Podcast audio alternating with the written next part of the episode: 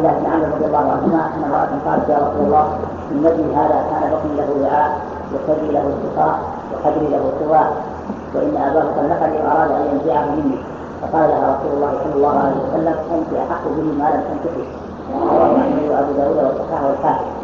وعن أبي هريرة رضي الله عنه أن امرأة قالت يا رسول الله إن زوجي يريد أن يذهب ابني وقد نفعني وسقاني من بئر عنبه فجاء زوجها فقال النبي صلى الله عليه وسلم يا غلام هذا أبوك وهذه أمك فخذ بيد ايديهما شئت فاخذ بيد امه فانطلقت به رواه احمد والاربعه وصححه الترمذي وعن رافع بن سنان رضي الله عنه انه اسلم وابت امراته ان تسلم فأقعد النبي صلى الله عليه وسلم الأم ناحية والأب ناحية وأقعد الصبي بينهما فمال إلى أمه فقال اللهم اهده فمال إلى أبيه فأخذه أخرجه أبو داود والنسائي وصححه الحاكم وعن البراء بن عازب رضي الله عنهما أن النبي صلى الله عليه وسلم قضى فتنة حمزة لخالتها وقال الخالة بمنزول الأم أخرجه البخاري وأخرجه أحمد بن حديث علي قال والجارية عند خالتها فإن الخالة والدة. وعن أبي هريرة رضي الله عنه قال قال رسول الله صلى الله عليه وسلم إذا أتى أحدكم خادمه بطعامه فإن لم يجلسه معه فليناوله لقمه أو لقمتين متفق عليه واللفظ للبخاري وعن عمر رضي الله عنهما عن النبي صلى الله عليه وسلم وعن ابي هريره رضي الله عنه قال قال رسول الله صلى الله عليه وسلم إذا أتى أحدكم خادمه بطعامه فإن لم يجلسه معه فليناوله لقمه أو لقمتين متفق عليه واللفظ للبخاري. وعن ابن عمر رضي الله عنهما عن النبي صلى الله عليه وسلم قال عذبت امرأة في فتره حزنتها حتى ماتت فدخلت النار فيها. لا هي أطعمتها وسقتها اذ هي خلقتها ولا هي تركتها تأكل من كشاف الأرض. متفق عليه. الله اللهم صل وسلم على سيدنا محمد اما بعد هذه ذات الحضانه وهي تولي الطفل الصغير ومثله المجنون والمعتوه يحضنه وأن يضمه إليه ويصونه إليه ويلاحظ حاجاته ومصالحه وهي مشروعة وقربة وطاعة وواجبة في جملة وإنما خلاف من أحق بها. فهي واجبة وحق. يطلبه نحو ممن لا يقوم بمصالح نفسه. وواجب على أمه وأبيه وقراباته أن يصونوه وأن يحفظوه وأن يراعوا مصالحه حتى يستقل بنفسه هذا واجب في جله وأحق الناس بالحضانة وأولاهم بها في جله أمه ثم أبوه وبقية قراباته من التفصيل.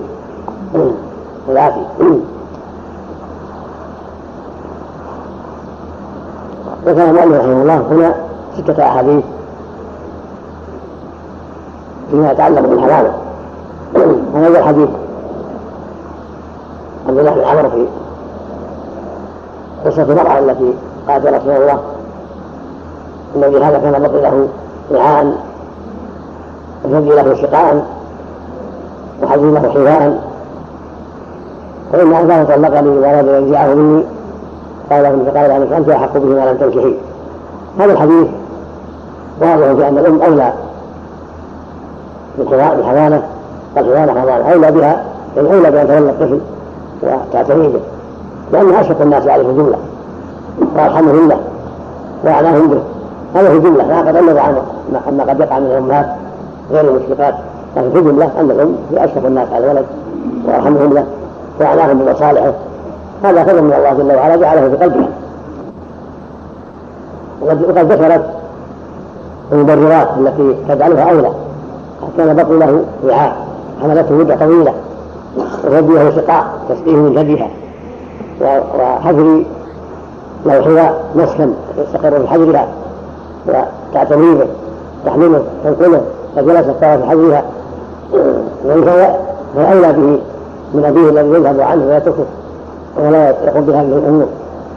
والنبي صلى الله عليه وسلم قال أنت حق أقرها على ما قال ألا أنت حق به ما لا تنكحي هذا يدل على أن الأمة لا الطفل في الجملة وأحق به من أبيه لهذه الأسباب التي ذكرت ولغيرها مما ما هو معلوم من حملها له وشقتها في حمله وولادته وتربيته وغير ذلك. ولما هو معلوم من شفقتها عليه وإصراره وإحسانها إليه لكن متى تزوجت سقط حقها من ذلك وصار الأب أولى لأنها في الغالب قد تشغل عنه بالزوج قد تتعطل بعض مصالحه. لكن يأتي في حديث البراء أن الزوج إذا رجل بالطفل ولم يمنع فإن المرأة تكون على حقها سواء كانت أما أو خالة أو غيرهما. فإنه ذكر هذا في الخالة غيرها مقيس عليها. فذكر ابن القيم رحمه الله في هذا هذا أن الحديث حجة على كون المرأة والمزوجة لها حق في الحضانة إذا رجل زوج ولم يكن هناك مانع. من جهة أخرى. وذكر العلماء كما القيم وغيره أن هذا كله يراعى فيه مصلحة الطفل. فكونه حق به أو كونه يخير. هذا في جملة إذا كانت الحالة مستقيمة وليس هناك ما يمنع. أما إذا كان هناك مانع من بقائه في يد الأم أو الخالة أو التخيير من كون الأم تضره بكفرها أو فسقها كونها تربيه على الشر أو تهمله أو كون الأب لا يصلح بفسقه وفساده وكون يضر الطفل أو لغير هذا من الأسباب التي تقتضي المصلحة ألا يكون في يد الأم أو الأب أو الخالة أو العم أو نحو ذلك فلا بد من مراعاة مصلحة الطفل وأن يقر في يد من لا يصونه ولا يصلحه ولا يرى حقه. فإذا تقارب في ذلك هناك مميز واضح فإذا الأم أحق ثم بعدها الأب ثم على التفصيل كما ذكر الله تعالى في هذا الباب. والحال في هذا تشبه المواريث تشبه الميراث. من كان أحق بالميراث كان أولى بالطفل في جملة مع مراعاة مصلحته. فقد يكون البعيد أولى من القريب إذا كان القريب لا يصلح لهذا الحيوان. ولكن في جملة بين النبي صلى الله عليه وسلم أن الأم أحق ما لم تزوجته إذا تزوجت صار أبو أحق به ما لم يسقط حقه ويرضى ببقائه مع أمه. ودل الحديث الثاني على الرواية على التخيير وأن الولد إذا كان يعقل ويفهم ابن سبع فأكثر كان قد تقدمها عليه في قلبه أبي هريرة صار يدرج ويمشي وينفع. وهو ابن سبع فأكثر فإنه يخير إذا كان صالحين للولاية فإذا اختار أمه وأخذها أخذته وإذا اختار أباه أخذ أخذه. إذا كان صالحين أما إذا كان الأم لا تصلح فلا فلا حاجة للخلاف. أو كان الأب لا يصلح فلا حاجة للخلاف. لأن المقصود مراعاة مصلحة الطفل. وهكذا حديث ثاني حديث رافع بن سنان. في إسلام أبيه وعدم إسلام أمه. فإذا ظاهره أنه خيره أيضا ولكن أهل هذا الحديث جماعة من العلم قالوا أنه لا يصح الاحتجاج. أنه ضعف إسناده ولأن الأم كافرة والطفل لا يقر بالكافرة ولا بالكافر فالمسلمين هنا أولى لأن الكافر لا ولاية له على المؤمن. الله يقول سبحانه والمؤمنون بعضهم أولياء بعض فلا ولاية الكافر على مسلم فلا بد من كون فيما مسلمين أو كافرين إذا تحاكم إلينا. فعلى هذا تكون الكافرة لا حق لها ضعف الحديث ولما عرف من كون المسلم ليس للكافر عليه ولاية. والحديث الرابع حديث البراء في قصة ابنة حمزة لما تبعت النبي صلى الله عليه وسلم ثم خرج من مكة عام الرافقة تبعته فأمر النبي صلى الله عليه وسلم أن تحملها فاطمة أن تأخذها فاطمة. تبعته كانت يا عم يا عم. فأمر بأخذها عليه الصلاة والسلام وتنازع فيها جعفر بن أبي طالب أخو علي. وزيد بن حارثة وعلي رضي الله عنه. فغلى بها صلى الله عليه وسلم بحالتها وهي تحت جعفر. قال خالد منزلة الأم. قال لعلي أنت مني وأنا منك. قال لجعفر أشبهت خلقي وخلقي فقال لزيد أنت أخونا ومولانا فأرضاهم كلمات الطيبة والأسلوب الحسن وأعطى وحكم بها بخالتها لأن جعفرا قد رضي بهذا وهو زوجها وطالب بها. وقال خالد بمنزلة الأم. فدل ذلك على أن الخالة لا حضانة ولا حق الحضانة هي التي هناك من أقرب منها كالأم والجدة الأم والجدة أقرب من الخالة لكن عند الأم عند فقد الأم ومن يقوم مقامها. وعند فقد الأب فإن الأب مقدم على الخالة كما تقدم الحي الأول. ويؤخذ من هذا كما تقدم أن المزوجة لها حق. في هذه الزوج وكانت أهلا لذلك. ولم ينازعها منه أولى منها. ثم يعتني بهذا أيضا ما تقدم من مراعاة مصلحة الطفل. فإذا كانت مصلحة الطفل تقتضي أن يدفع إلى مزوجة قد رجيت ورجى زوجها فذلك أولى من غيرها لمصلحته. وغالب هذه المسائل تتعلق بالأصول والقواعد وعلى القضاة عند النزاع ان يرجعوا للقواعد والأصول ويراعوا ما يتعلق بمصلحة الطفل وما يعود عليه بالنفع في دينه ودنياه ولا يراعوا قصة القرابة إذا اختل فيها هذا الأمر. فالمهم في هذا المقام هو مراعاة مصلحته ورعاية حقه سواء كان الذي يحضره أقرب أو أبعد. الحديث الرابع الخامس حديث أبي هريرة في الخادم له يتعلق بباب الحضانة لأن الخادم يتولاه المخدوم السيد ونحوه وهو تحت يده يتصرف فأشبه الطفل وأشبه المجنون والمحدود فله الحق. بأن يراعى لهذا الرسول صلى الله عليه وسلم إذا أتى أحدكم خادم بطعامه فإن لم يسمع فإنه نقطة أو نقطتين. هذا فيه مراعاة نفس الخادم الذي يتولى الطعام. ولهذا الله في الآخر فإنه قد تولى حره وعباده ولم حره ودخانه فإن يجلس معه فإن له نقطة ونقطتين هذا إذا كان الطعام يختلف. أما إذا كان طعام السيد والمخدوم هو طعام الخادم ما له فرق. شيء واحد فليس له حاجة إلى هذا الشيء. وإنما قال النبي هذا إذا كان السيد يمتاز بشيء ويتصل بشيء وقد عالجه الخادم فقد تكون نفسه معلقة به. فينبغي أن يوقع منه شيء. قلعا للنفس وردعا للتشوف الذي قد يتعلق بنفسه. ثم الأفضل أن يكون طعامهما واحدا. هذا هو الأفضل كما في حديث أبي ذر. انه أمره أن يطعمهم ما يطعم ويلبسهم ما يلبس. هذا هو الأفضل والأكمل. ولكن لا يجب ولهذا في هذا فإن من يجمع فإن لقطة ولقطتين هذا يدل على يجب أن يتساويا وهكذا في حديث هذا. يتقدم لمن طعامه وكسوته ولا يكلم عن ما يطيق هذا يدل على له طعامه المعتاد كسوته المعروفة. هذا واجب مع يشابه أمثاله ويطعم بامثاله هو واجب له. ولا يلزم أن يكون سيده مثله في كل شيء. قد يختص السيد بشيء لكن من الكمال ومن تمام المروءة ومن تمام كمال الأخلاق أن يكون الحال واحدا أن يطعمه من طعامه ويسقيه من شرابه ويلبسه من لباسه. هذا من باب التواضع وكمال المروءة ومن كمال الإحسان. كما الحديث بورق كما تقدم. الحديث السادس حديث ابن عمر بن هرة قال دخلت عن النبي صلى الله عليه وسلم قال دخلت النار بهرة. يعني امرأة النار بهرة الله حبستها له أطعمتها سقطت حبستها ولا تاكت تأكل فساش الأرض. هذا يدل على تحريم حبس الحيوان وظلمه ولو كان غير مأكول كالبرة والكلب والحمار فإما يطعمه وإما يطلقه. أما يحبسه ولا يطعمه ولا يسقيه فهذا ظلم لا يجوز.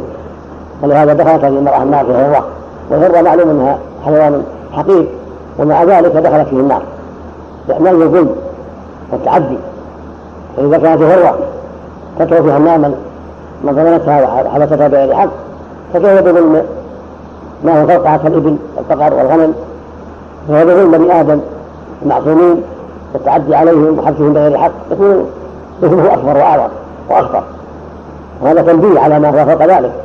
حبس بني آدم المعصومين وايذاؤهم والتعدي عليهم. فوق هذا بأضعاف مضاعفة. فالواجب على المؤمن ان يحذر الظلم كله.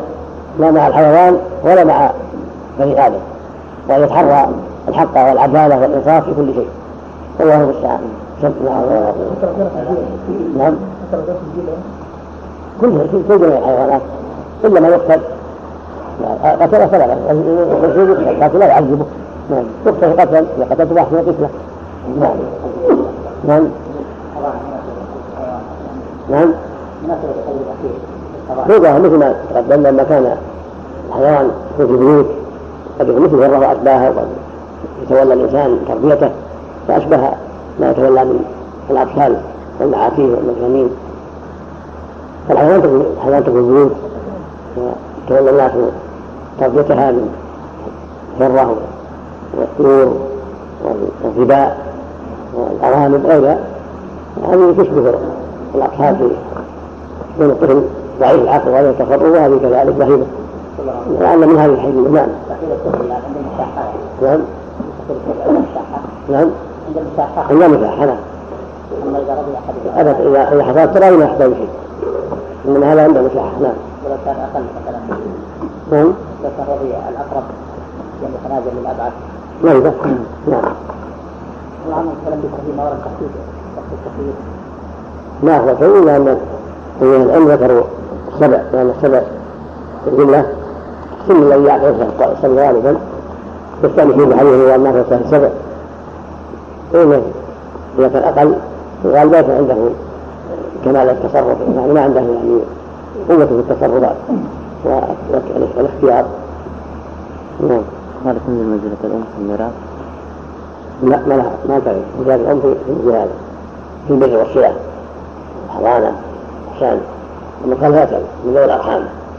إلا عند فقد أصحاب الفروض وأصحاب التعصيب. على قول بعض أهل ترد على أموالها من فقد من فروض العصر كما كما ذوي الأرحام نعم لكن إذا تزوجت المرأة بعد بعد بلوغ السن السابع لا حقها في ذلك نعم. نعم. ولو قبل السابع الزواج السقط ولو قبل السابع ولو قبل السابع نعم. أما بعد السابعة؟ بالخير ولو كانت نعم. ما بين والولد حامل الولد ما أعرف شيء إلا مجرد يعني الاجتهاد والتحري مجرد الاجتهاد. نعم. ما أعرف شيء. نعم. هذا محل اجتهاد. هذا هذا محل اجتهاد. لا دليل عليه. نعم. وكان عند أمها إذا كان أم إذا كان اما جيدة أو لا يكون الرجل يجعلها عند الضرة عند الذبيه قد تؤذيها. وشيء اليها اذا عند امها أو لا إلا إذا كانت أمها لا تصلح. نعم. ولهذا هذا من العلم أنها تكون عند أمها حتى تزوج قال بعضهم حتى تزوج أو تزوج هذا ارجح واظهر ان أمها أولى بها. تحيه للذكر. كما الحديث. وأما البنت فهي ضعيفة وأمها الطف بها وأرحم بها واعنى بمصالحها. إلا إذا كان هناك شيء خرج عن العادة من فساد عقلها أو فساد دينها. نعم. طبعا الوالدين تبرع هل تلزم منه هذا؟ نعم. إذا الوالدين الأب والأم كل منهما تبرع منه يعني يلزم بها الأم أولا إذا كانت أهلا لذلك ينفق عن بيت المال إذا كانت في حاجة فإن لكن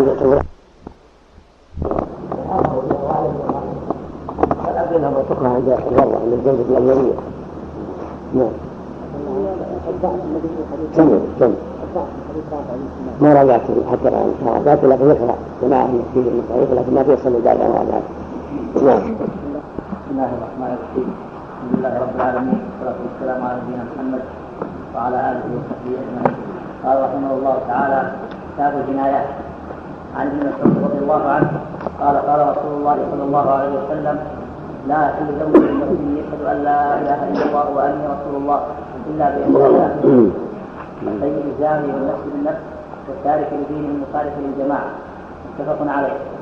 وعن عائشة رضي الله عنها عن رسول الله صلى الله عليه وسلم قال لا يحل قتل مسلم إلا بإحدى ثلاث خصال زان محصن زان محصن فيرجم ورجل يقتل مسلما متعمدا فيقتل ورجل يخرج من الإسلام فيحارب الله ورسوله فيقتل أو يصلب أو ينفى من الأرض. رواه أبو داود والنسائي وصححه الحاكم. وعن عبد الله بن مسعود رضي الله عنه قال قال رسول الله صلى الله عليه وسلم أول ما يقضى بين الناس يوم القيامة في الدماء. متفق عليه. وعن سمرة رضي الله عنه قال قال رسول الله صلى الله عليه وسلم من قتل عبده قتلناه ومن جدع عبده جدعناه جدعناه رواه أحمد والأربعة وحسنه الترمذي وهو من رواية الحسن البصري البصري عن سمرة. وقد اختلف في سماعه منه. وفي رواية لأبي داود والنسائي بزيادة ومن قصى عبده قصيناه وصحح الحاكم هذه الزيادة. وعن عمر بن الخطاب رضي الله عنه قال سمعت رسول الله صلى الله عليه وسلم يقول لا يقال الوالد بالولد رواه أحمد والترمذي وابن ماجه وصححه ابن داود والبيهقي. وقال وقال الترمذي إنه مضطرب. وعن أبي بحيرة رضي الله عنه بسم الله الرحمن الرحيم اللهم صل على محمد يقول المؤلف رحمه الله كتاب الجنايات. جمع جناية وهي العدوان. على العرض على المال أو البدن. يكون على العرض أيضا كما يأتي في القلب. فالجناية تكون على المال على البدن على العرض وجمعها لتعدد أنواعها. وهي العدوان على الغير قد يكون عمدا وقد يكون خطأ وأحكامها متنوعة كتنوع صفاتها. ومن كمال الشريعة أن الله سبحانه وتعالى شرع فيها ما يرجع عن العدوان. ويكف الناس عن ظلم بعضهم بعض عن ظلم بعضهم بعضا فلا صلاح للناس إلا برادع يرجع بعضهم يرجع بعضهم عن بعض كما قال سبحانه ولولا دفع الله الناس بعضهم لفسد في الأرض. وقد يدفع الشر بالظالم في حق من هو أظلم منه. قد يدفع الشر بالكافر بكافر آخر. قد يدفع بالمسلم عن المسلم وبالمسلم عن الكافر إلى غير ذلك. والله جعل فيما شرع. من الحدود والتعزيرات والعقوبات دفاعا للناس وكفاية لهم وعصمة وحفظا حتى يعيشوا في الأرض آمنين وحتى يطمئنوا. ولهذا لا يوجد في الدنيا آمن ممن حكم شريعة الله واستقام على أمر الله. فشريعة الله وسيلة عظيمة كاملة لأمن العباد في الدنيا وفي الآخرة إذا استقاموا عليها. وإذا أخلوا بها ولم يحكموا شرع الله أكل بعضهم بعضها وتعدى بعضهم على بعض وظلم بعضهم بعضا. وعلى حسب قوة الرادع في أي دولة وفي أي مكان يقوى الأمن. وعلى حسب ضعف الرادع يضعف الأمن. الحديث الأول حديث مسعود رضي الله عنه عن النبي صلى الله عليه وسلم أنه قال لا يحل دم مسلم يشهد أن لا إله إلا الله وأن لا إله إلا بإحدى ثلاث الطيب الزاني والنفس بالنفس والتارك للدين ومالك الجماعة يجوز الجر ويجوز الرفع وهي في إنسان إلى آخرة. ويجوز النص على على قاعدة العرب في أمار الحال كأعني عن الطيب الزاني إلى آخرة. والمقصود أن هذه الثلاث هي التي تحل دمه. الثيب الذي تزوج ووطئ امرأة صار ثيبا. تزوج زواجا شرعيا صحيحا ووطئ هذا يقال ثيب فإذا زنى فهو ثيب ولو ما كان معنا ولو طلقها ولو ماتت عنه ما دام قد تزوج به مع المسلمين. بل نبغى في الناس من قال إنه لا يكون ثيبا إذا كان معه زوجة. هذا من الأقوال الفاسدة الباطلة التي لا أساس لها في الشرع ولا عند العلماء.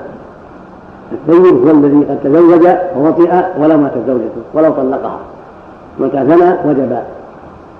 إقامة الحد عليه إذا رفع على السلطان. وذلك بالرجل حتى يموت.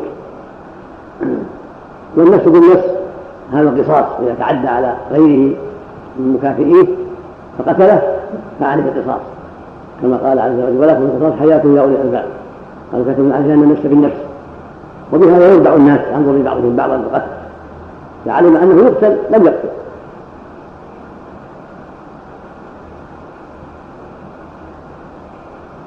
والثالثة مفارق تارك للدين مفارق للجماعة. والذي يأتي بناقض من نواقض الإسلام. سمي مفارق للجماعة لأن الجماعة هم أهل الإيمان هم أهل الإسلام.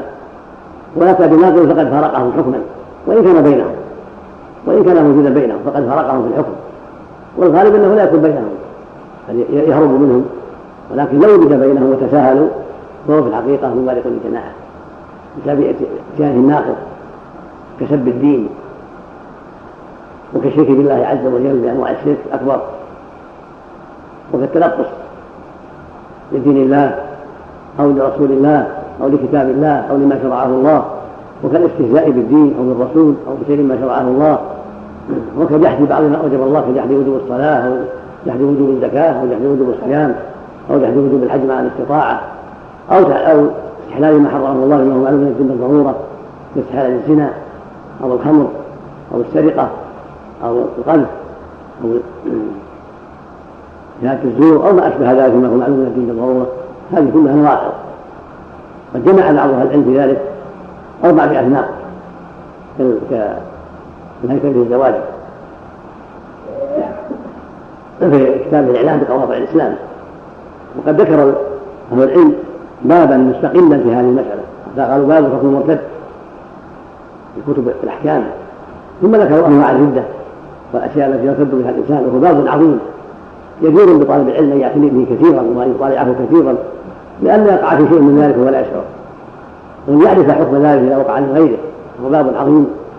وكان الإمام العلامة الشيخ محمد بن رحمة الله عليه كان يحث من يكاتبهم ويبحث معهم على مراجعة هذا الباب ويقول إنما هلك كثير من الناس وجهلوا أحكام الردة بأسباب إعراضهم هذا الباب واشتغالهم بأبواب أخرى فتجده قاضيا ومفتيا مشغولا بالإجارة مشغولا بالأوقاف مشغولا بالبيع جاهلا بأحكام الردة. فلهذا وقع الشر بينهم وانتشر الشر بينهم ولم يمكنوا اشتغالهم عنه وعدم اتفاقهم إلى هذا الباب. وهذا شيء واقع. تجد في كثير من البلدان من ينسب إلى العلم والرياسه في العلم ومع ذلك فهو لا يعرف حقيقة التوحيد ولا حقيقة الشرك. لأنه اعرض عن هذا الأمر ولم يتفقه فيه ولم يعتني به ولم يراجع كتب أهل العلم في ذلك. فتجده مع دعاة غير الله ومع العكف على القبور ومع من ينظر لغير الله ويطلب مدد لغير الله ويظن أن هذا ليس بشيء وليس بشيء ولا حول ولا قوة إلا بالله. المقصود أن هذه النواقض الثلاث أمرها عظيم وخطرها جسيم فيجب الحذر منها هذه هذه الأشياء التي تبيح الدم هذه الثلاثه التي تبيح الدم. لكن بعضها ناقض وبعضها غير ناقض المس بالمس. والطيب هذا هاتان معصيتان الزنا والقصاص والعدوان على النفس هذا هاتان معصيتان وكبيرتان. ولا تكون ردة إلا إذا استحلهما والعياذ بالله من فعلهما وأما ترك الدين فهذا يكون بنواقض المعروف نواقض الإسلام المعروف. وهذا أصل أصيل في عصبة الدم الأصل في المسلم المعصوم فلا يراق دمه إلا بإحدى هذه الثلاث. يدخل في الثالثة جميع نواقض الإسلام. يدخل في الثالثة جميع نواقض الإسلام فإنها كلها داخلة في تارك الدين وما هذا ترك الصلاة. من تاركها يقتل بالشتات فإن تاب وإلا قتل كافرا على الصحيح من أقوال العلماء لأن تركها ناقض وقال جمع من أهل العلم وزيد الجمهور ليس بناقض ولكنه يبيح سفك الدم يقتل بذلك إذا لم يتب بقوله جل وعلا فإن تابوا وأقاموا الصلاة وآتوا خلوا سبيلهم لقوله صلى الله عليه وسلم نهيك عن قتل المصلين وقوله بقتله قول جمهور أهل العلم أنه يقتل وإنما اختلفوا هل يقتل حدا أو كفرا على قولين مشهورين أصحهما أنه يقتل كفرا لقوله صلى الله عليه وسلم العهد الذي بينه وبينه الصلاة فمن ترك فقد كفر أخرجه الإمام أحمد وأهل السنة بإسناد صحيح عن بريدة رضي الله عنه. وهكذا قوله صلى الله عليه وسلم بين الرجل وبين الكفر والشرك الصلاة أخرجه مسلم صحيح عن جابر رضي الله عنه. وما سوغ القتل ألحق بهذه الأشياء. ما سوغ القتل فإن كان ردة ألحق بالتارك دينه. وما ليس بناقض فهو مسبب رابع. المسبب الرابع جاءت به الشريعة. لكن الأصل أن مسببات هذه الثلاث كما ثبت نقضه كما ثبت أنه يحيد يحل الدم صار ناقضا رابعا إن لم يدخل في واحد من هذه الثلاث والحديث الثاني حديث عائشة مثل حديث ابن مسعود. ولكن فيه ذكر التارك دينه والثالث أن التارك دينه قد يكون محاربا وقد يكون غير محارب. فإن حارب الله ورسوله قتل أو قطعت يده ورجله من خلاف أو نفي من الأمر على حسب ما يراه ولي الأمر من المصلحة للمسلمين. وإن لم يحارب قتل فقط. فإن ارتد عن الإسلام استتاب فيتاب وإلا قتل. فإن ارتد عن الإسلام وحارب جمع أمرين جمع حد الحرابة وحد النقد. وقد يكون المحارب وليس بكافر المسلم الذي يحارب يقطع السبيل. ولا لم يرتد عن دينه ولم يكفر ولكن حمله الطمع وحب المال على أن قطع السبيل وأخذ أموال الناس. فهذا أيضا حكم حكم محارب من جهة أن ولي الأمر يخير بين قتله وبين صلبه وبين قطع يده وبين خلافه وبين نفيه من الأرض على حسب ما يراه مصلحه المسلمين. بقوله جل وعلا إنما جزاء يحاربون الله ورسوله. ويسعون المساجد أن يقتلوا أو يصلبوا أو تقطع أيديهم وارجلهم أو يثنوا من الأرض. من ذلك لهم خزي في الدنيا ولهم في عذاب عظيم نسأل الله العافية. والثاني حديث. ابن مسعود أيضا. يقول النبي صلى الله عليه وسلم أول ما يقرأ بين الناس وقت الدماء رواه الشيخان البخاري في الصحيحين. هذا يدل على عظم شان الدماء وأن خطرها عظيم. ولهذا بدأ بها يوم القيامة بين الناس. وهو ما يقضى بينهم فيما بينهم بين زيد وعمر في الدماء ما كان بينهم من حقوق اولها الدماء يقضى بينهم. لعظم خطرها ولكونها أعظم جريمة على الإنسان. أعظم جريمة بها روحه. هذا فوق ضربه وفوق ماله.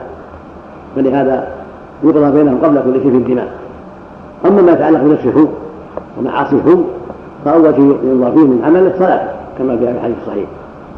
أول ما حسب العبد من عمله صلاته في نفسه فيما يتعلق بنفسه أول شيء حسب عنه الصلاة هل أداها حقا وحافظ عليها وهل امتثل أمر الله فيها أو ضيعها ولم يؤديها. وهذا هو بين النصين فيما بينه وبين الناس يبدأ بالدماء وفيما يتعلق يتعلق بنفسه خاصته يبدأ بالصلاة. والحديث الرابع حديث سمرة بن جندل النبي صلى الله عليه وسلم قال من قتل عبده قتلناه ومن جدع عبده جدعناه ومن فصى عبده فصيناه. اختلف العلماء في هذا الحديث وسبب اختلافهم اختلاف في حسن في سماع الحسن عن سمرة. فمن قال إنه سمع من صح هذا الحديث وقال إنه دليل على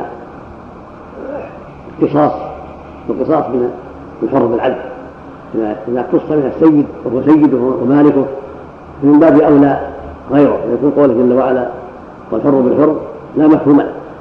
ومن قال إن الحسن لم يسمع من ثمرة قال حديث ضعيف فلا يحتج به فلا يحتج به والقرآن دل على أنه لا يقتل الحر بالعدل ولكن يؤدب ويعلم قيمة وهذا هو الصواب لا الجمهور. من قتل عبدا يستحق التأديب إذا كان عمدا وعليه قيمته بالغة ما بلغت لأنه ينزع عن درجة الحر بسبب أنه يباع ويشترى. فنزل عن عن درجة الحر. وهذا هو الصواب. هو المعتمد. أن الحر لا يقتل بالعبد. والسيد لا يقتل بعبده. والحديث هذا ضعيف. والصواب أن الحسن ينفع من أبي هريرة إلا حديث العقيق هذا كما قال من العلم رحمة الله عليه. ثم الاشباه شبهه تقع بها حدود مما يدل على انه لا لا يقاد به ما يأتي في باب نقل الخلف عن أبي هريرة رضي الله عنه عند الشيخين أن النبي صلى الله عليه وسلم قال من قتل من قتل الميت فيقام على الحد يوم القيامة. فاذا كان حد قتل لا يقام عليه فهو أسهل من القتل. واسهل من الجزاء فمن باب أولى أن لا يقام عليه القصاص والقطع وحديث الجواز حديث صحيح رواه الشيخان. ويقام عليه يوم القيامة دليل على أنه ينتقم به يوم القيامة لعبده إذا تعدى عليه. وأما أنه يقاتل به فلا. ولكن هذا لا يمنع من كون ولي الأمر يؤدبه. على تعديه على عبده وينتصف للعبد بما يردع السادة عن التعدي عليها شيء آخر. هذا باب التعزيرات. ولكن المقصود هنا أنه لا يقتل به ولا يقتص منه له ولكن يستحق التعزية عن بعد ذلك. لأنه معصية والمعاصي لها التعزير.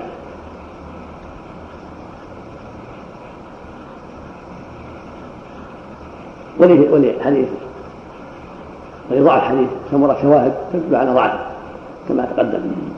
والحديث الخامس حديث عمر بن الخطاب رضي الله تعالى عنه عن النبي صلى الله عليه وسلم أنه قال لا يقاتل والد الولد هذا الحديث رواه جماعة عن عمر وهو من طريق عبد الله بن عمر عن عمر من طريق سراقه بن مالك بن عن عمر ومن طريق مجاهد عن عمر وجاء أيضا له شاهد حديث ابن عباس عند الترمذي وابن ماجه. النبي صلى الله عليه وسلم لا يقاتل والد الولد وله شواهد أخرى فيها أنه لا يقاتل والد الولد قالوا والحكمة بذلك والله أعلم أن الوالد هو سبب وجوده. الله جل وعلا جعله سبب وجوده فلا يكون سببا لإعدامه. ولعظم حق الوالد كبر شأن حق الوالد فلم يقد به ويشمل الذكر والأنثى يشمل الأب والأم والجد والجدة كلهم والد فرواه أحمد رحمه الله في المسند بلسان جيد عن مجاهد عن عمر. وهذا فيه انقطاع جيد لولا الانقطاع لأن عمر مجاهد لم يسمع عن عمر. ورواه الترمذي وجماعه من طريق عن عن عن جده. ورواه أحمد من طريق عمرو من طريق ابن الله أيضا قال حدثنا عمرو بن شعيب وهذا يشهد لروايه مجاهد ورواه الترمذي من طريقين من طريق مثنى الصباح عن عمرو ومن طريق الحجاج بن عطاء عن عمرو وكلاهما مثنى ضعيف والحجاج كذلك كثير الأخطاء. ورواه الترمذي بن ماجه عن عباس من طريق إسماعيل بن مسلم المكي وهو ضعيف. لكن بدر هذه الطرق أن يشد بعضها بعضا وتشهد له بالصحة ولهذا قال كل له مضطرب. ولكن ابن جارود والبيهقي وجماعة نظروا إلى تعدد الطرق. وكثرتها وأن بعضها لا بأس به من حيث الجملة. قالوا إنه جيد وأنه صحيح من هذه الحيثية. ومن باب الحسن لغيره على أقل تقديره فهو من باب الحسن لغيره. وهو حجة. وقال ابن رحمه الله لما ساق وذكر افتراضه قال والعمل عليه عند أهل العلم. هذا ذكر العمل عليه عند أهل العلم ولم يخلف خلافا في ذلك. أنه من الوالد لا يكتب الولد لهذه الأحاديث وللمعنى. الله سبحانه وتعالى أعلم. سم السيد إذا إذا غاب قيمة السيد إذا وزن قيمة المال هذا إذا إذا قطع إذا قتله غير. أما السيد لا يقطع قيمة بس لا يؤدب إذا كان عنده ما يقطع ما يقطع لا الغرض القاتل له من غير من غير السيد الجد والأم. كل كلاهما يسمى والد لكن لك آبائي وإسحاق ويعقوب. إن أباكم كان راميا بني آدم. يعني إسماعيل إن أباكم كان راميا يا بني آدم. فالجد أب ولهذا صحيح من أقوال العلماء أنه يحجب الإخوة أيضا. لا يعتبر يعني لو قتل الجد أو أو قتل الأم. لا يقاتل. نعم. والأم كذلك. كذلك نعم. نعم. لا لا ما إذا لم إذا لم يكفروا بناقض آخر حملهم المال وليسوا بمشركين ولا تاركين للصلوات إنما حملهم حب المال يكون مع عصاة الله ربنا في الحديث خير بين بين ثلاث حال القتل والصلب والنفس ما ذكر الله. لعله الله أعلم لأن معلوم من نص الآية نعم. أو لم تحفظه عائشة رضي الله عنها نعم الله إليك. نص القرآن واضح نعم. نعم. الإحسان أحسن الله إليك. يثبت بمجرد العقد ولا لابد من؟ لا لابد من دخول لابد من نعم. حديث من قتل عبده قتلناه الله ما يعني. نعم؟ من قتل عبده قتلناه هذا اللي ضعيف لا يصح. لأن من رواية الحسن عن ثمرة والروايات الأخرى الباب كلها ضعيفة. والحاكم لا لا يعتبر تصحيح في أشياء كثيرة رحمه الله. نعم. الجمهور لماذا يجمهور عموم مخصوص هذا في أهل الكتاب. أنزله الله لنا شرعا لنا هو عام مخصوص بقولها الحر بالحر نعم.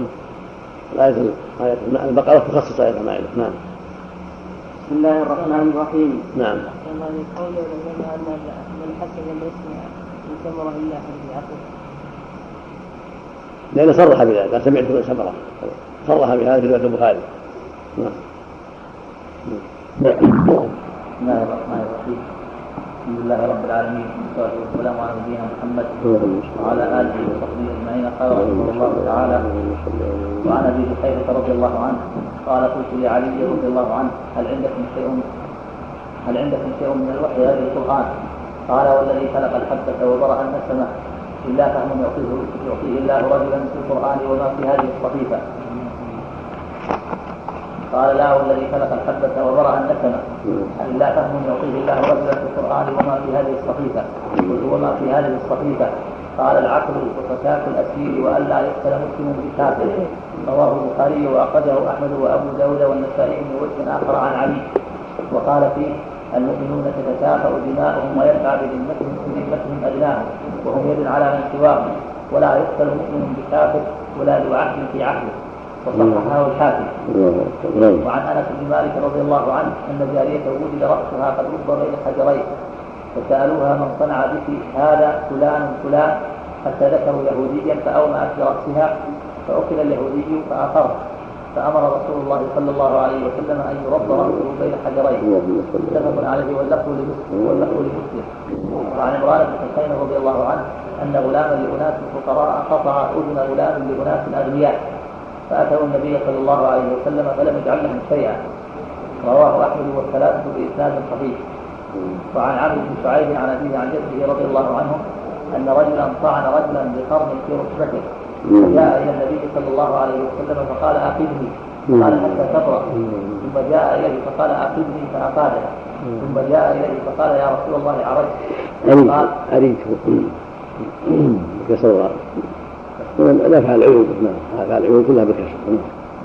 نفع العيوب والألوان بالكسر نعم فقال يا رسول الله عرفت؟ فقال قد نهيتك فعصيتني فأبعدك الله وبطل عرضك. ثم نهى رسول الله صلى الله عليه وسلم أن يختص من جرحه حتى يبرأ صاحبه. رواه أحمد والدار قطني وأعل بالإرسال. وعن أبي هريرة رضي الله عنه قال اقتتلت امرأتان من هذيل فرمت إحداهما الاخرى بالحجر فقتلتها وما في بطنها. فاختصموا إلى رسول الله صلى الله عليه وسلم فقضى رسول الله صلى الله عليه وسلم أن دية جميلها غرة عبد أو وليدة. وقضى بدية المرأة على عاقلتها وورثها ولدها ومن معهم فقال حمل بن النابغة الهلالي يا رسول الله كيف يغرم من لا شرب ولا أكل ولا نطق ولا استهل؟ ومثل ذلك يقل فقال رسول الله صلى الله عليه وسلم إنما هذا من اخوان السبحان من أجل سجعه الذي سجع متفق عليه. وأخرجه أبو داود والنسائي من حديث ابن عباس أن عمر سأل من شهد قضاء رسول الله صلى الله عليه وسلم في الجميل فقال حمل بن النابغه قال فقام حمل بن النابغه فقال كنت بين يدي امرأتين فضربت إحداهما الأخرى. فذكره مختصرا وصححه ابن حبان والحاكم. وعن أنس رضي الله عنه أن الربيع بنت النضر عمته كسرت ثنية جارية. فطلبوا إليها العفو فأبوا. فعرضوا الأرش فأبوا. فأتوا رسول الله صلى الله عليه وسلم فأبوا إلا القصاص فأمر رسول الله صلى الله عليه وسلم بالقصاص فقال أنس بن النضر يا رسول الله أتكسر ثنية الربيع؟ لا والذي بعثك بالحق لا تكسر ثنيتها فقال رسول الله صلى الله عليه وسلم يا أنس كتاب الله القصاص فرضي, فرضي القوم فعفوا. فقال رسول الله صلى الله عليه وسلم إن من عباد الله من لو أقسم على الله لأبره متفق عليه واللفظ للبخاري. بسم الله الرحمن الرحيم. الحمد لله صلى الله وسلم على رسول الله وعلى آله وأصحابه. أما بعد هذه الأحاديث الستة كلها ظاهر تعلقها بالجنايات وتقدم أن الجنايات فيها العمد والخطأ. الحديث الأول حديث أبي جحيفة وهو بن عبد الله السوائي. احد الصحابة المشهورين وهو من أتباع علي وعلى شرطته رضي الله عن الجميع. فيه أن عليا سئل هل عندكم شيء من وحي غير القرآن؟ فقال لا ولي ذاق الحبة. وبرأ أن سمع ما عندنا شيء في القرآن. وهذا والله أعلم عندما تكلمت الشيعة في الكوفة أن أهل البيت خشوا بأشياء وأن عندهم شيء من الوحي غير بسم الله الرحمن الرحيم الحمد لله صلى الله عليه وسلم على رسول الله وعلى آله واصحابه أما بعد هذه الأحاديث الستة كلها ظاهر تعلقها بالجنايات. وتقدم أن الجنايات فيها العمد والخطا الحديث الأول حديث أبي جحيفة. وهو بن عبد الله السوائي. احد الصحابة المشهورين. وهو من أتباع علي وعلى شرطته. رضي الله عن الجميع. فيه أن عليا سئل هل عندكم شيء من وحي غير القرآن؟ فقال ولي ذاق الحبة. وبرأ أن سمع ما عندنا شيء في القرآن. وهذا والله أعلم عندما تكلمت الشيعة في الكوفة أن أهل البيت خصوا بأشياء وأن عندهم شيء من الوحي غير ما عند الناس. كان داء الشيعة قديما من حين انتقل علي إلى الكوفة وصارت الفتنة في مقتل عثمان. صار لهم نشاط وكلام. حتى آل بهم الأمر. إلى أن غلوا في علي رضي الله رضي الله وأرضاه واعتقدوا فيه الألوهية. حتى غضب رضي الله وأرضاه وحرق من أنكره منهم بالنار. غضبا لله عز وجل وانتقاما منهم وردعا لغيرهم. من هذا البلاء العظيم والشرك الوخيم. وقد بقيت لهم بقايا إلى اليوم. قطع الله دابرهم وكفى شرهم. نعم فأراد السائل أن يبين أن هذا الشيء الذي تزعمه الشيعة شيء لا أصل له ولا أساس له. ولهذا أجابه علي رضي الله عنه بهذا الجواب. والنسمة في الفتح الروح. والحبة معروفة.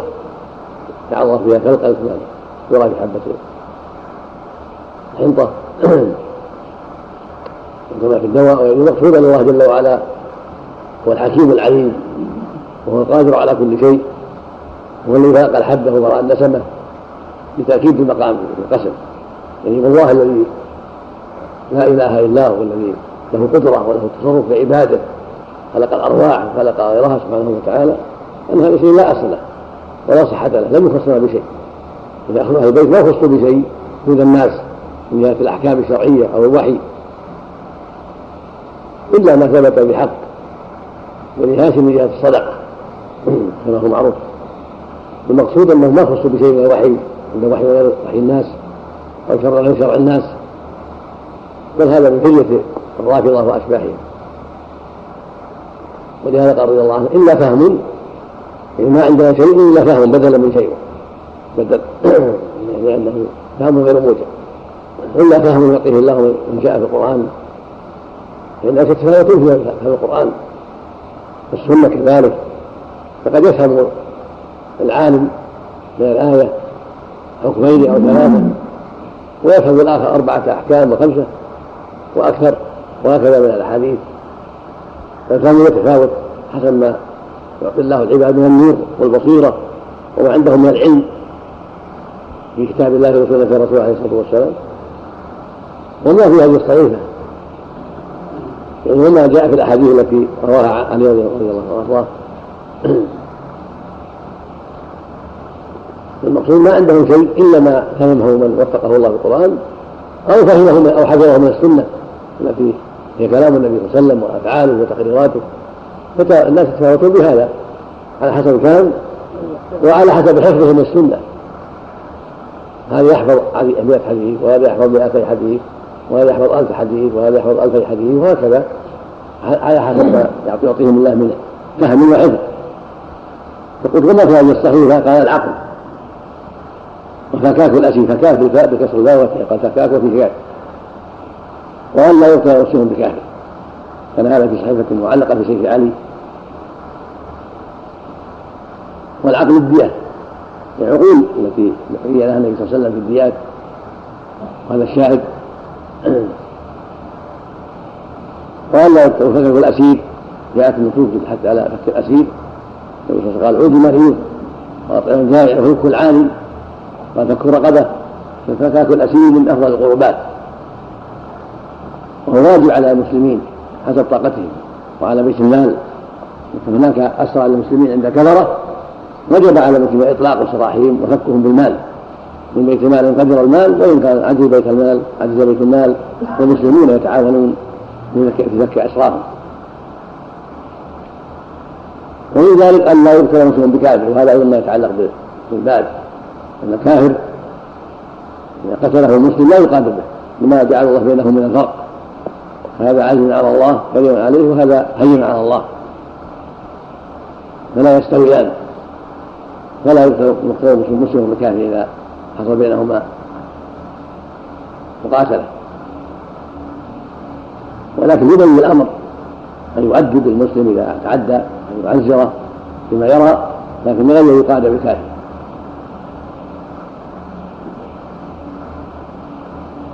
وفي اللفظ الثاني المؤمنون تتكافأ دماؤهم ويسعى بذمتهم أدناهم ومن على ما سواهم.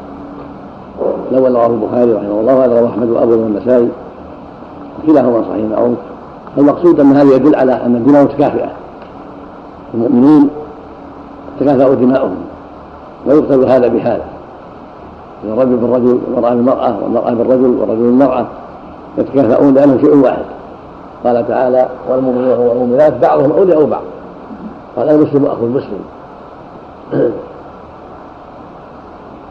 يستثنى من ذلك ما دل عليه الشرع كما تقدم في عدم قتل محرم العبد لتفاوت ما بينهما بأسباب كونه يباع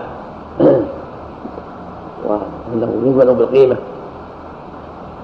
على خلاف المشهور ولكن هذا هو قول الجمهور كما تقدم في قوله تعالى والحر بالحر. هو يخص الآية كما عليه النفس بالنفس ويخص هذا الحديث. ويسعى بذمتهم أدناهم. يعني أدناهم في الفضيلة والشرف. فيجير عليهم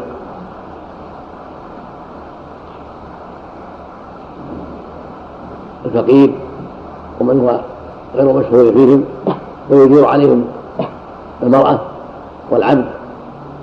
هؤلاء من أدناهم في الجملة.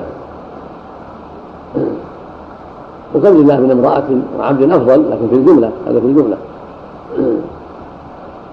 وهم يد على من سواهم ولهذا قال ابن ام هانئ أجرنا من اجرت يا أم هانئ. فإذا أمن المسلم كافرا وإن كان مؤمن من أطراف المسلمين ليس من اشرافهم وامرائهم أو من مماليكهم أو من نسائهم وجب إمضاء تأمينه. وعدم قتل هذا المؤمن حتى يرد إلى مامنه فاذا قال أمني حتى أكلم الأمير. أمني حتى أكلم فلان. اسمع كلام فلان. بلغ حاجة فلان تأمنه أحد المسلمين. فإن هذا التمييز يمضى ولا يبطل. ولا يجوز قتله بعد ذلك حتى يرد إلى مأمنه وهم يد على من سواهم يد يعني هم جماعة وقوة على من سواهم يجب أن يتكافئوا ويجب أن يتعاضدوا وأن تكون أيديهم يدا واحدة ضد عدوهم. كما قال تعالى واعتصموا بحبل الله جميعا ولا تفرقوا. قال ولا تنازعوا فتفشلوا وتفرحوا يجب أن يكون يدا واحدة. ضد الأعداء. وهذه تعليمات عظيمة وأصول كبيرة أوضحها النبي صلى الله عليه وسلم في هذا الحديث العظيم. وفيه إبطال ما تقوله الشيعة يعني بالنسبة خصائص بالوحي لأهل البيت وأن عندهم قرآن غير القرآن أو عندهم أحاديث ما عرفه المسلمون أو شرائع خاصة بهم غير ما عرفه المسلمون. أن هذا كله باطل وأن أهل البيت من بني هاشم وأزواج النبي صلى الله عليه وسلم وكلهم من جنس بقية المسلمين أحكامهم واحدة. كلهم كسائر بقية المسلمين ما عدا وصلنا إن صدقة تنبغي لله تنبغي لآل محمد. كما هو معروف. والحديث الثاني حديث أنس في قصة الجاريه التي قتلها اليهود. كان يهودي في المدينة فرأى جارية عليها اوضاح من ذهب فأمسكها وقتلها واخذ الاوضاح التي عليها. حلا بها؟ فوضع رأسها وأخذ الذهب وهرب. فجاء فجيء إليها وبها رمق لم تمت. فسئلت. فأشارت بما يدل على أن القاتل اليهود أن قتلها اليهود. فعرض عليها جماعة من اليهود الذين المتهمون هذا قتلك؟ قالت لا. هذا قتلك قالت لا ثم جاء إلى الذي قتلها قالت نعم شافت أن نعم وهذا. فأخذ اليهود الذي أشارت أنه صاحبها فأقر قال إنه قتلها من أجل كذا وكذا. فأمر من غير رأسه بين حجرين قصاصا كاملا. هذا فيه فوائد. منها أن الرجل يقتل المرأة. ويقتص منه إذا قتل المرأة. ومنها أن القتل بالمثقل كالمحدد إذا كان عمدا حصل به القتل يقاد به. والذي قاده بيده أن ربط رأسها والرب يقتل غالبا ثقيلا. ولهذا ماتت بسبب ذلك. وبعض الفقهاء الكوفيين أنه لا يقتل بمثقل لا يقتل بمثقل قول ساقط لا وجه له. والصواب أن القتل بما يقتل غالبا من مثقل أو غير مثقل أو محدد بحجر أو حديد أو غير ذلك مما يقتل غالبا يقتل به قصاصا ومن ذلك الحجر. إن ردها والقى راس به أو ضرب أو تعمد قتلها قتله بالحجر في موضع القتل. ومن الفوائد أن قصاص يكون بالمماثلة الله كتب القصاص علينا وهي المماثلة يعني قصاص قصاص القتل يعني التماثل فإذا قتله بحجر يقتل بحجر وإذا قتله بالخنق يقتل بالخنق. كما قال تعالى فقتل يقتل به ما قتل إلا أن يكون أن يكون ذلك أمرا محرما كاللواط أو إسقائه الخمر. فلا يجوز. المقصود أنه يقتل به إذا قتل. به. وبعدين جاء النبي صلى الله عليه وسلم بأن يرد رأسه اليهود بالحجر كما فعل بالمرأة وفيه من الفوائد العمل بالإشارة وأن الإشارة تعتبر في الدعوى وفي غير الدعاوى. لكن لا يعتمد عليها بدون بينة إنما هي ترشد إلى المتهم ترشد المطلوب يعمل بها في الاهتداء بها إلى المطلوب. فإنها فإن النبي اهتدى بهذا إلى الجانب كما أشارت إليه وقعت واعترف فالعودة على اعترافه لكن الاعتراف أسبابه أنها أشارت إليه. والأدلة في العمل بالإشارة والقرائن كثيرة جدا. وفي من الفوائد خبث اليهود. حرصهم على المال وطمعهم وعدم مبالاتهم بقتل النفوس إذا كان لهم طمع في ذلك. وهوى نسأل الله السلامة. والحديث الثالث حديث عمران بن حسين الصحابي الجليل بن عبيد الخزاعي صحابي أبو الصحابي. واللي قال النبي صلى الله عليه وسلم يا حسين كم تعبد؟ قال سبعة. ستة في الأرض وواحدة في السماء. قبل أن يسلم قال من كنت تعد بغرابتك ورأفتك؟ قال الذي في السماء. فأمر فقال يعني فقال له صلى الله عليه وسلم يدل على أن الذي في السماء هو الذي هو الجدير بأن تعبده وحده. فأسلمه رضي الله عنه وعلمه النبي كلمتين يقولهما علمه أن يقول اللهم ألهمني رشدي وأعيني من شر نفسي. اللهم ألهمني رشدي وأعيني من شر نفسي. في هذا أن غلاما لأناس فقراء. قطع أذن غلام لأناس أغنياء. فجاء النبي صلى الله عليه وسلم يعطيهم شيئا. هذا الحديث أشكل على كثير من الناس واختلف الجواب عنه. ويجب على ويجب أن يحمل على معنى يطابق الأدلة الشرعية ويوافقها. لأن ما اشتبه من السنة مثل ما اشتبه من القرآن سواء بسواء كما المشتبه في الآيات القرآن يفسر بمحكم ويصار فيه محكم ولا يفسر بخلاف المحكم. هكذا السنة ما أشكل منها يرد إلى المحكم. ويفسر بالمحكم. ومعلوم في المحكم أن الزاني عليه القصاص أو الدية إن كان عمدا وإن كان خطأ عليه الدية ولا يفلت. هنا قال فلم يجعل له شيئا؟ فأجاب بعضهم بأن هذا قتل خطأ آه، قطع وزنه خطأ وكانت عقيدته فقراء ما عندهم شيء. فلهذا لم يجب عليهم دية لفقرهم وفقر القاطع في الأذن. والجهل العاقلة في الخطأ. هذا هكذا أجاب بعضهم. وأجاب بعض الشراح بأنه كان صغيرا. كان غلاما صغيرا. والصغير لا يقعد.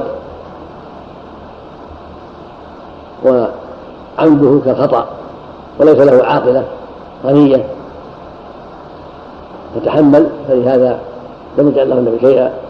ولم يعطيهم بيت المال لأسباب إما لأنه ليس هناك في بيت المال ما يقابل ذلك أو لبيان أنه لا يلزم بيت المال أن يسلم عن من لم يكن عنده شيء لفقره وفقر عاقلته.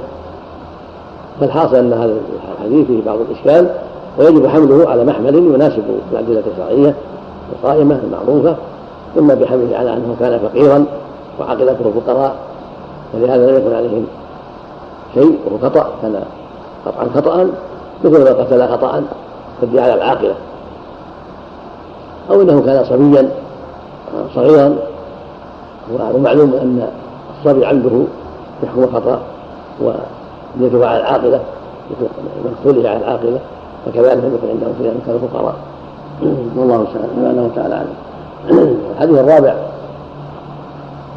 حديث عن ابي شيبه فيها جده إن رجلا طعن بقرن في ركبته. فقال أقذني فقال حتى يبرأ فكرر عليه قال أقذني يا رسول الله. فقاده ثم ندم. المستقيم لأنه أصابه عرض. أن بني أصابه عرض. قال يا رسول الله عرفت فقد نهيتك فعصيتني ما بعدك الله بطل عرضي. هذا فيه الدعاء لمن أساء الأدب مثل ما قد يقع دعوات أخرى غير مقصودة كلمة يداك وكذلك أمك ونحو ذلك. قد يكون هذا أبلغ لكونه أساء الأدب استحق أن يدعى عليه من باب الزجر عنه من هذه العجلة. ثم نهى الرسول صلى الله عليه وسلم يقتص من عمر من جرح حتى يرى صاحبه. واستقرت الشريعة على هذا. من الجرح لا يعجل بالقرض حتى يبرأ لأن قد يكون السراية قد تكون السراية فيكون القرض أبلغ. قد يكون يتبعه مال مع القرض فلا ينبغي فلا تجوز العجلة. بل ينظر؟ ويمهل حتى يبرأ واعتدى عليه. فإذا برئ أخذ حقه على بصيرة بالقصاص أو بغيره.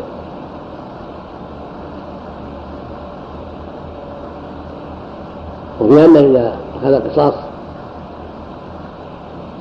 قبل أن يبرأ يعني عجل فأخذ القصاص بنفسه أو وسط القضاة أو الأمراء أو غيرهم من أعطاه القوت قبل أن يبرأ. ثم أصابه شيء بعد ذلك من السراية فإنها تبطل وتكون هدر وإن ثم طلع رجل بلفظ ويطل رجل يعني يقول يعني استعجلت واستوفيت حقك فلم يقال لك شيء.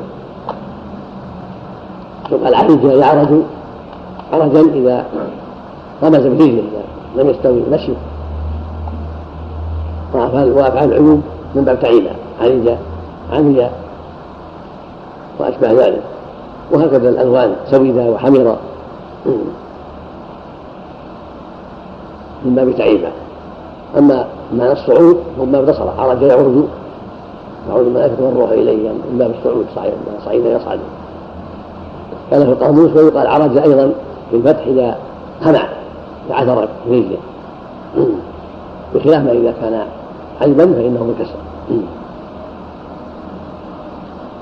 الحديث الخامس حديث. أنس. كم الخامس؟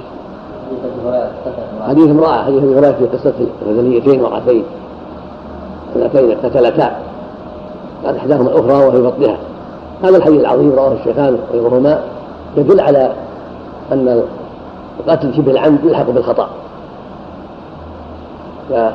فقتلت المرأة أو الرجل الآخر بما لا يقتل غالبا بعض الروايات انها قتلت بالعمود ورمتها بالعمود المسطار يكون بحجر. فحكم عليها. الله حكم بالبيع على العاقلة وحكم في جنين بغرة قال العلماء إن الواقعة وقعت على وجه يشبه العمد ولا سيقتل غالبا فلهذا قال صلى الله عليه وسلم بغرة بالعاقل بالديانة العاقلة عاقلة القاتلة. وحكم الغرة وهي عبد النوامة عن عن جنيها التي أسقطت. فدل ذلك على أن المضروبة إذا أسقطت جنينا ميتا يغر عبد النوامة وإذا ماتت ففيها الدية على العاقلة. كما قضى به النبي في هاتين المرأتين. واعترض حمل بن النابغة ومن عاقلة المرأة. فقال كيف يرى من لا أكل ولا من لا شرب ولا أكل من لا نطق ولا استهل. فمثل ذلك يطل يعني يبطل يعني مات لأنه سقط ميتا. قال صلى إنما هذا من إخوان الكهان من سجعه الذي سجع. هذا يدل أن الكهان كانوا يستعون في في تأييد أباطيلهم وكذبهم وما يزعمونه من الغيب. فيذم المستدعي إذا كان لابطال الحق أو لا حاجة إليه أو متكلف أما إذا جاء يستدعو عفوا في نفس الحق وفي بيان الحق فلا يضر هذا وقد وقع في كلام النبي صلى الله عليه وسلم كثيرا. وفينا فوائد أن قد شبه العمد لا يقعد به ولكن فيه الذكر على العاقلة كالخطأ وفيه أن الجنين الساقط بالجناية على أمه يضرب بغره وثبت هذا من حديث المغيره حديث محمد بن مسلمه من عدة أحاديث تدل على أن المرأة إذا أملصت بسبب ضرب الله ضرب الله فيها ضرر في إملاصها ضرر عبد أو أمة ضربها أحد. فسقط فاسقط جديدا. فيه الفدية غرة عبد وهي عشر. عشر المرأة. خمس من الإبل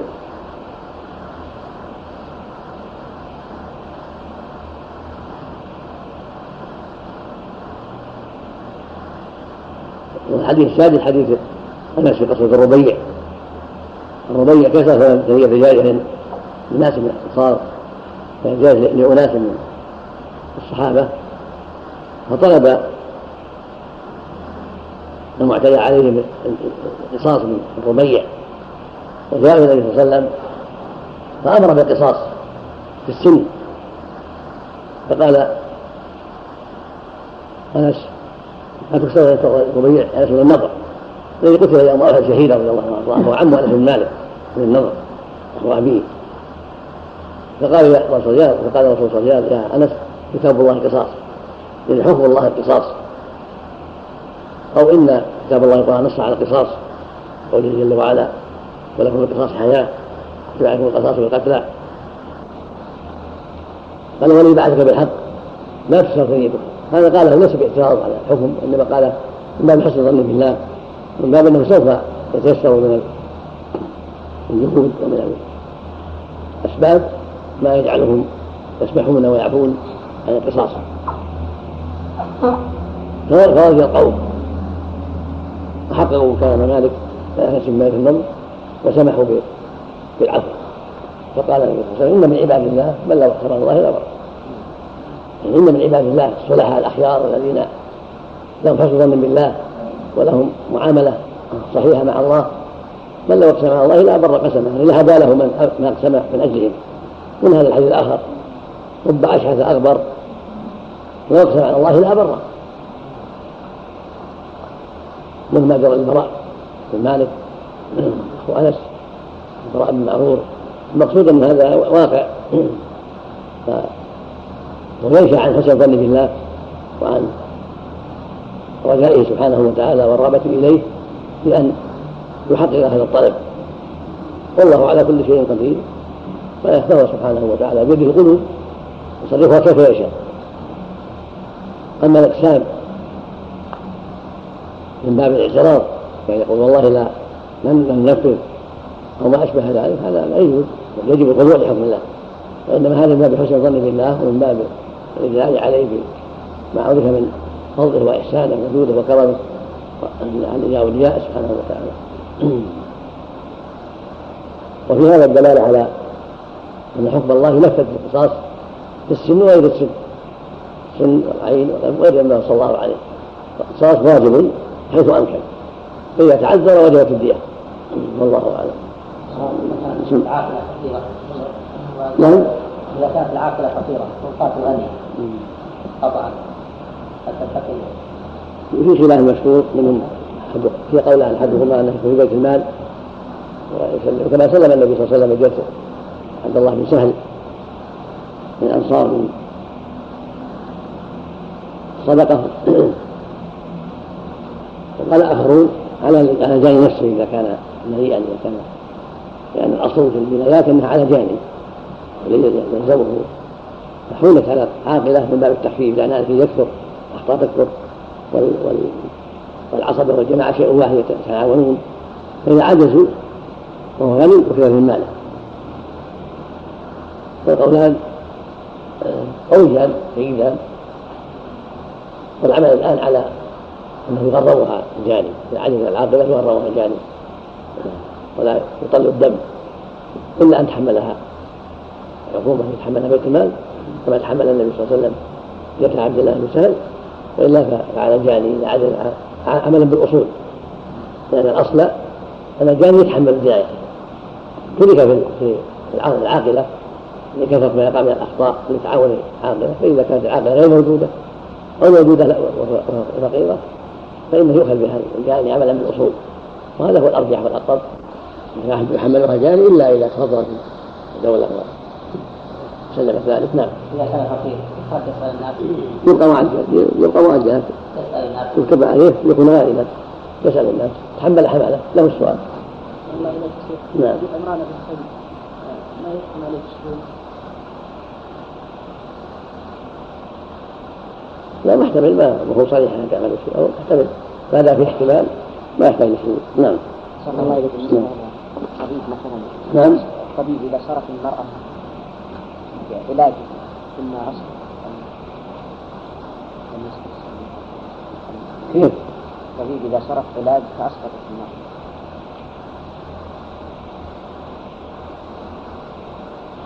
الظاهر ما يكون شيء اذا كان معروف بالطب ما عنده شيء إذا كان حاذق في الطب لأن الطب ما يضر فيه كونك تسبب في سقوط الولد ما يضر. مثل ما لو عملت ما تعمل عادة في بيتها وحركات في بيتها العادية. وأسقط في شابه ذلك ما يضر نعم شيء العادي شيء العادي ما يضر نعم. تغليظ الدية يشبه العمل لا سليم فيها حديث قضى على العمد 25 وعلى أربعة والخطأ خمسة في 20 من كل يوم أو خمسة هذا نوع تغليظ والتغليظ الآخر ثلاث حقة أو ثلاث جزء أو أربعون خليفة من صلح أولادها على ما في حديث عبد الله بن عمر. حديث عبد الله بن مسعود. وخلاف مشهور لكن بين أهل العلم هل يغلظ بهذا؟ أو يغلظ بهذا. والأقرب تغليظ بالرباعية والخماسية بالرباعية ضد الخماسية عند عند وجود العمد وشبه العمد نعم. نعم. إيه، خبر أو يؤخذ من خبر آخر. نعم. أخرى والمهم على يبين إن شيء واحد. نعم يلزم يعني هذه خبر معناها الأمر. هذا خبر معناه الأمر والإلزام. يجب أن يكون يد على سواء نعم. لكن تعالى يعني لابد من التعاون ضد أعدائه ما يتفرقون. الله المستعان. نعم. مسألة عقاب المسلم نعم. مسألة عقاب المسلم الظاهر انه يحرم سهله الظاهر يحرم إذا حرم يحرم مثل اذا غرق يغرق النهي عن حريق النار لمن لم يفعل. نعم نعم. وفي قوله تعالى العبد بالعبد فيها والأنثى بالأنثى لا أن الرجل يفرق المرأة دلت نصه النصوص على لا مفهوم لهذا ما يقال العبد كذلك دلت النصوص على الأصل مراعاة المفاهيم. جاء عدم مراعاة ذلك والانثى بالانثى لا بالانثى وتركب الرجل نعم. من باب في هذا من باب أولى. إذا قتلت قتلت بالانثى فقتلها بالرجل من باب أولى. شيخ العبد بالعبد من باب أولى يقتل بالحر خلاف الحكم بالحر ليس من باب أولى يقتل بالعبد. لأن ادنى وأيده الحديث الأخرى الدالة على عدم القتل. نعم. بالنسبة لحديث أبو هريرة قتل امرأتان قتلت امرأتان من هذيل لم يحكم الرسول صلى الله عليه وسلم بقتل آه، آه، الأخرى يقال هذا مثل بالعمد لأنه بحجر ما يقتل غالبا. استدل بالعلماء على مثل هذا لما يقتل غالبا يكون باب شبه العمد ولا يقال. في هده نعم. بسم الله الرحمن الرحيم. نعم.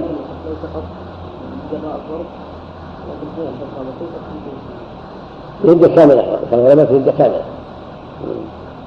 سقط حيا ثم مات له في هده كاملة. نعم. بسم الله الرحمن الرحيم. لله رب العالمين. والسلام على نبينا محمد وعلى آله وصحبه أجمعين.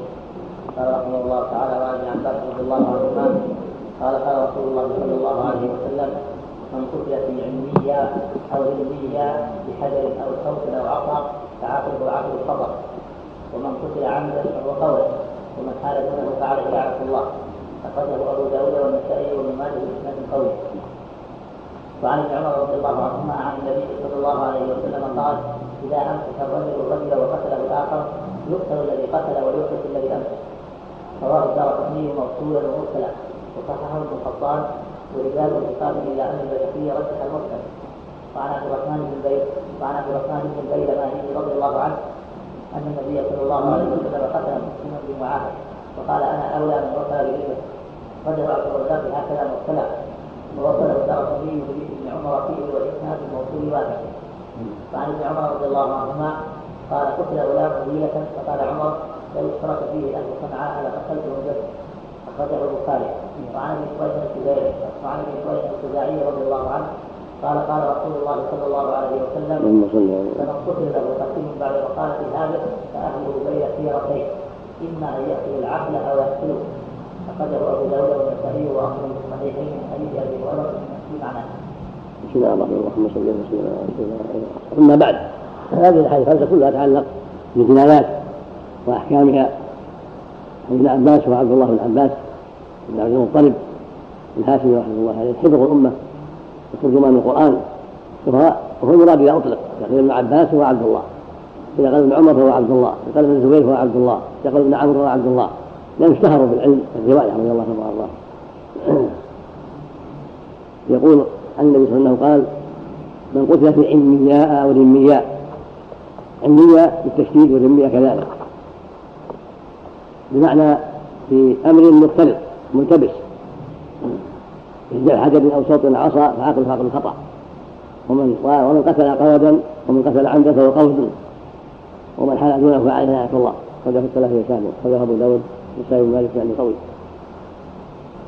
قد ذكر أبو داود هذا الحديث من طريقين. مرسل عن طاووس بسند جيد ومتصل عن عباس بن جيد أيضا كما قال المؤلف وفي زيادة في بعض الروايات زيادة. فإن لعنة الله وغضبه. لا يقول لا يقول لا صرف ولا عدل. في رواية أخرى فإن لعنة الله والملائكة والناس أجمعين. يعني من حال دون القول من حال دون القول وحمى الجاني ولم يمكن من أخذ القول منه. والحديث دل على مسائل. منها إذا قتل الإنسان في حالة مشتبهة منتبشة لم يتضح القاتل كما قتل في علمية أو في ذمية يعني تقاتل تضارب ناس أو ترامى ناس فقتل بينهم قتيل في أحد الجانبين. ولم يعرف القاتل. قال النبي صلى الله عليه وسلم فعقله عقل الخطأ. بين أوصاف ذلك بحجر رمي بحجر بثوب. وقاتل بسياط أو بعصا وقد تقاتلوا بهذه الأشياء التي في الغالب لا تقتل. لكن وجد قتيل. فعقله عقل خطا كما في الحديث الآخر. ألا إن الجتا في العم ما كان بالسيوط والعصا إلى آخره.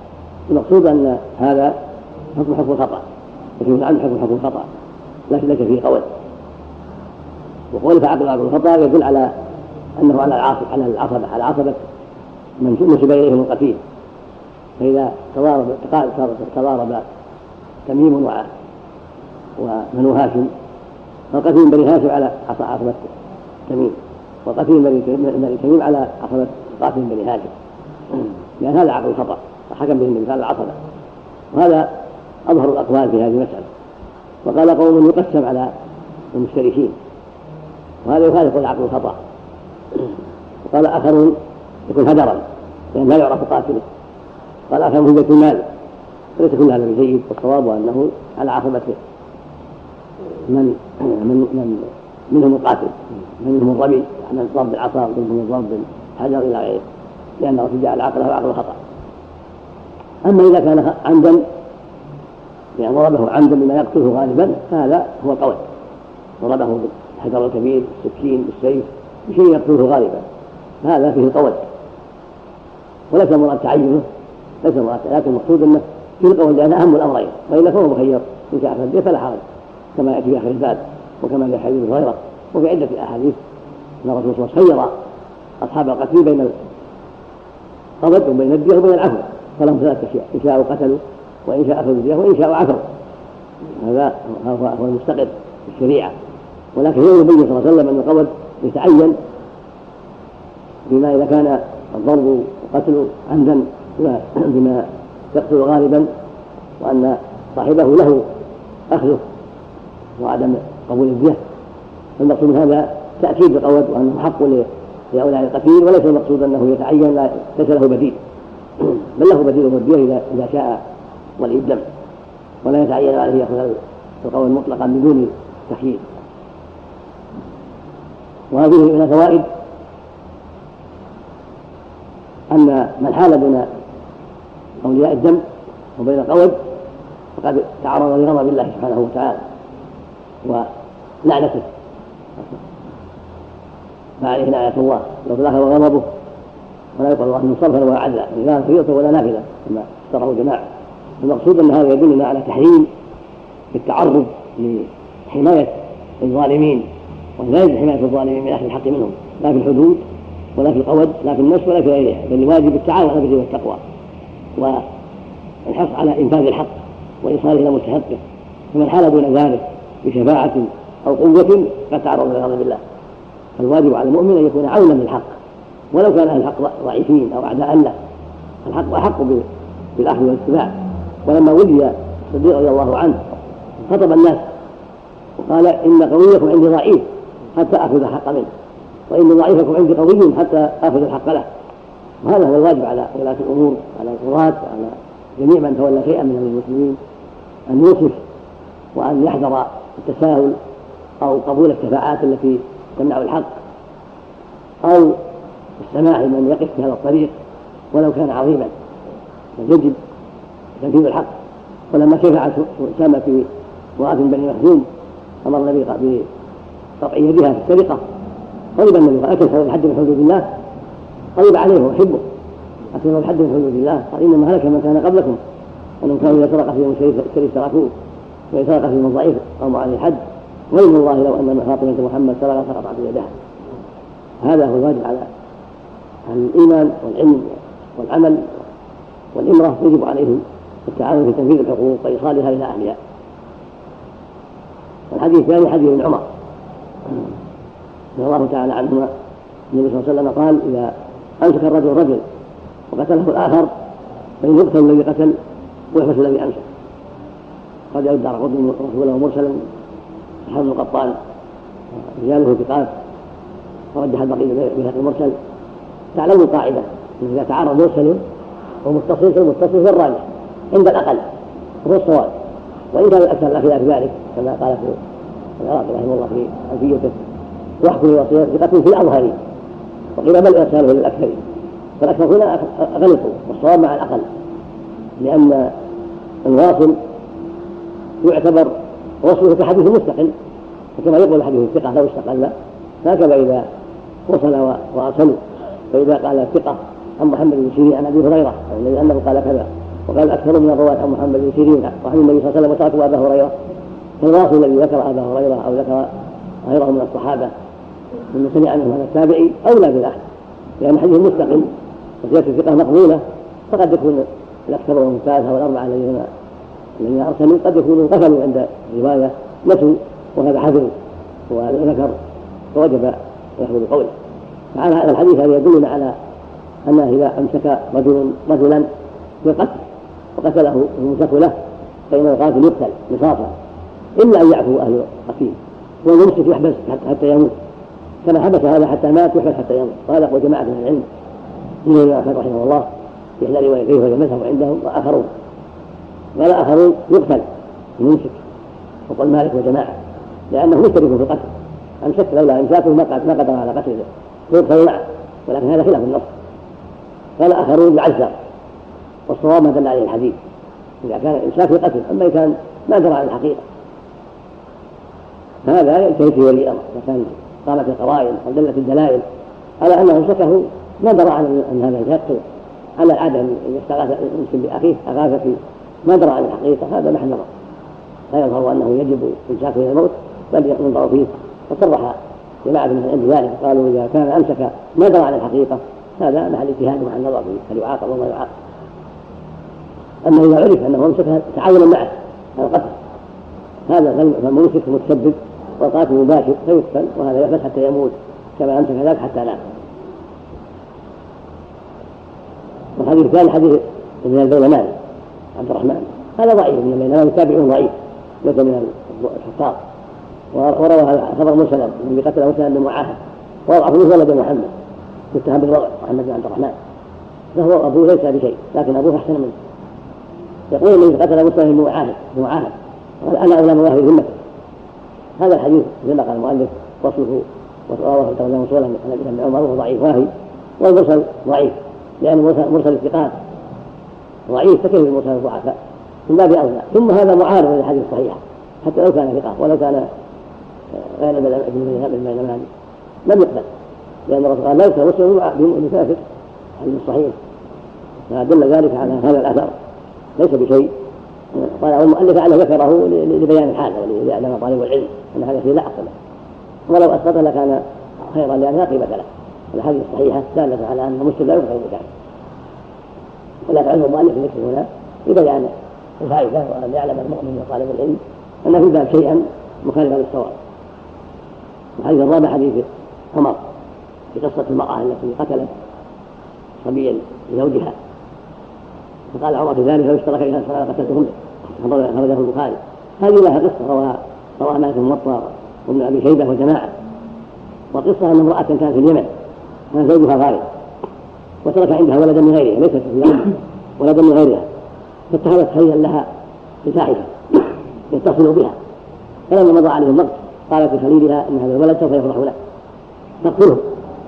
فقال الرجل لا ما يقتله فامتنعت منه ولم تقتله من نفسها فلام لها حينئذ وتعاون معها ومع خادمها ومع رجل آخر صاروا اربعه فقتلوه قطعوه وجعلوا في عيبه وألقوه في رقية بعيدة في اطراف القريه فلما جاء زوجها وسأل واعتنى بالأمر أخذوا هذا الخليل الذي عرف انه يدخل عليها فأخذوه فاعترف ثم اعترفت به واعترف